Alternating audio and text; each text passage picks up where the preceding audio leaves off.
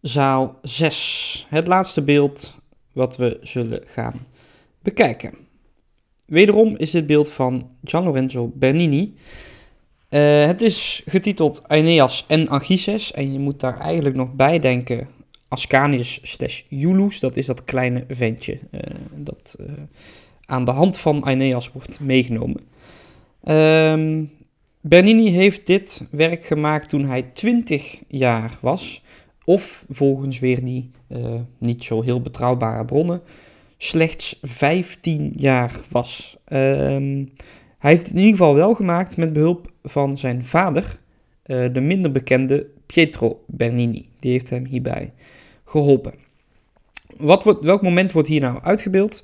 Nou, Aeneas, dat is de, ja, de persoon die in het midden, hè, waar het om, om draait, samen met zijn vader op zijn rug. En zijn vader heet Anchises. En zijn zoontje aan zijn hand, die heet Ascanius, of zijn bijnaam Iulus. Um, en dit is het moment waarop Troje is gevallen. Troje staat in brand nadat de Grieken uh, met het Trojaanse paard hè, zijn binnengekomen. Um, Aeneas de Trojaan vlucht met zijn vader en zijn zoontje hier uit Troje. En nu is de vraag, waar is dan zijn vrouw? Hij had namelijk ook een vrouw, genaamd Creusa. Uh, die was ook met hem tijdens de vlucht uit Troje. Maar in alle heisa raakten ze elkaar kwijt. En uh, toen is Aeneas uiteindelijk toch nog haar gaan zoeken in Troje. Terwijl gewoon overal omheen de vlammen uitsloegen en er Griekse uh, soldaten waren die alle Trojanen wilden afmaken. En toen vond hij slechts haar uh, schim, oftewel, ja, ze was dood. En Creusa die zei tegen hem, ga maar schat, ga maar, ga maar doen wat je moet doen. En wat moest Aeneas doen? Nou, Aeneas had een droombeeld gekregen tijdens uh, de val van Troje, waarin hem werd opgedragen door de goden om een stad te gaan stichten, een nieuwe stad, want Troje stond in de fik. En Aeneas, de Trojaanse prins, uh, moest een nieuwe stad stichten. En uh, ik kom er zo op welke stad dat dan uh, is of zou worden. Maar uh, die goddelijke missie die hij had, die wordt in dit beeld onderstreept door een aantal details. Namelijk in de hand van Iulus, dus het kleine ventje aan de hand van Aeneas. Daar is een, een, vuurtje te zien, een fakkeltje. Ehm, dat symboliseert het haardvuur, oftewel ja, de familie, het huiselijke, wat meegenomen wordt door Aeneas en zijn zoontje. Um, ja, dus dat, dat beeldt ook weer de, de eerbied voor de huisgoden uh, beeldt dat uit. Net zoals het beeldje in de hand van Anchises, dus de oude opa op de rug van Aeneas. Dat zijn namelijk de penaten, dat zijn ook weer de huisgoden. Dus het haardvuur in Julius zijn hand symboliseert het, het vuur van Vesta, dus zowel het stadsvuur als ook uh, het huisvuur. En uh, het beeldje in Anchises zijn hand, dus in die van de oude opa, uh, symboliseert ook weer het, het huiselijke, het familiaire. Oftewel, Aeneas was een echte vrome familieman. En uh, was op weg op een vrome goddelijke missie. Nou, Aeneas heeft uiteindelijk een hele reis voor de boeg.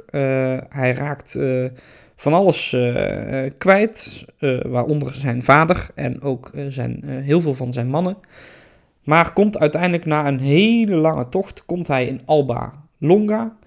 Daar moet hij eerst nog een strijd uitvechten met degene die daar op dat moment woont, namelijk een Etrusk genaamd Turnus. Nou, die verslaat hij uiteindelijk ook. En dan sticht hij uh, op de plek waar, uh, nog, ja, waar in principe nog niks was, sticht hij het stadje Alba Longa. Um, en ik zei dat net al, hij kwam daar dus niet aan. Hij kwam aan in Latium, de streek. En daar stichtte hij het dorpje, stadje Alba Longa. Nou, wat boeit ons dat? Dat Alba Longa is gesticht? Nou, Alba Longa is de plek waar uiteindelijk een uh, koning genaamd Numitor leeft. Zijn koningschap wordt afgepakt door zijn broer, broer, broer door zijn broer Amulius. Uh, maar Numitor heeft wel twee kleinzoons. En dat is een tweeling. En misschien voel je hem al aankomen, dat zijn Romulus en Remus. Nou, Romulus en Remus die uh, pakken het koningschap van Amulius weer af.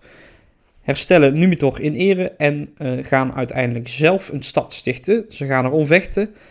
Want ze willen allebei baas zijn van de stad, maar er kan maar één baas zijn. Dus ze vechten met elkaar en Romulus snijdt Remus uiteindelijk de keel door, waardoor de stad Rome gaat heten en niet Reme.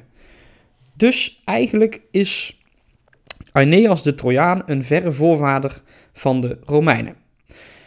Wat ik nog wel eventjes wil noemen hierbij is dat um, Aeneas de Trojaan is een zoon van Anchises natuurlijk, maar Anchises heeft het bed gedeeld met Venus. Dus de godin Venus is de moeder van Aeneas. En Romulus en Remus, die zijn kinderen van een vrouw genaamd Rea Silvia, een Vestaalse maagd, die dus geen maagd is gebleven.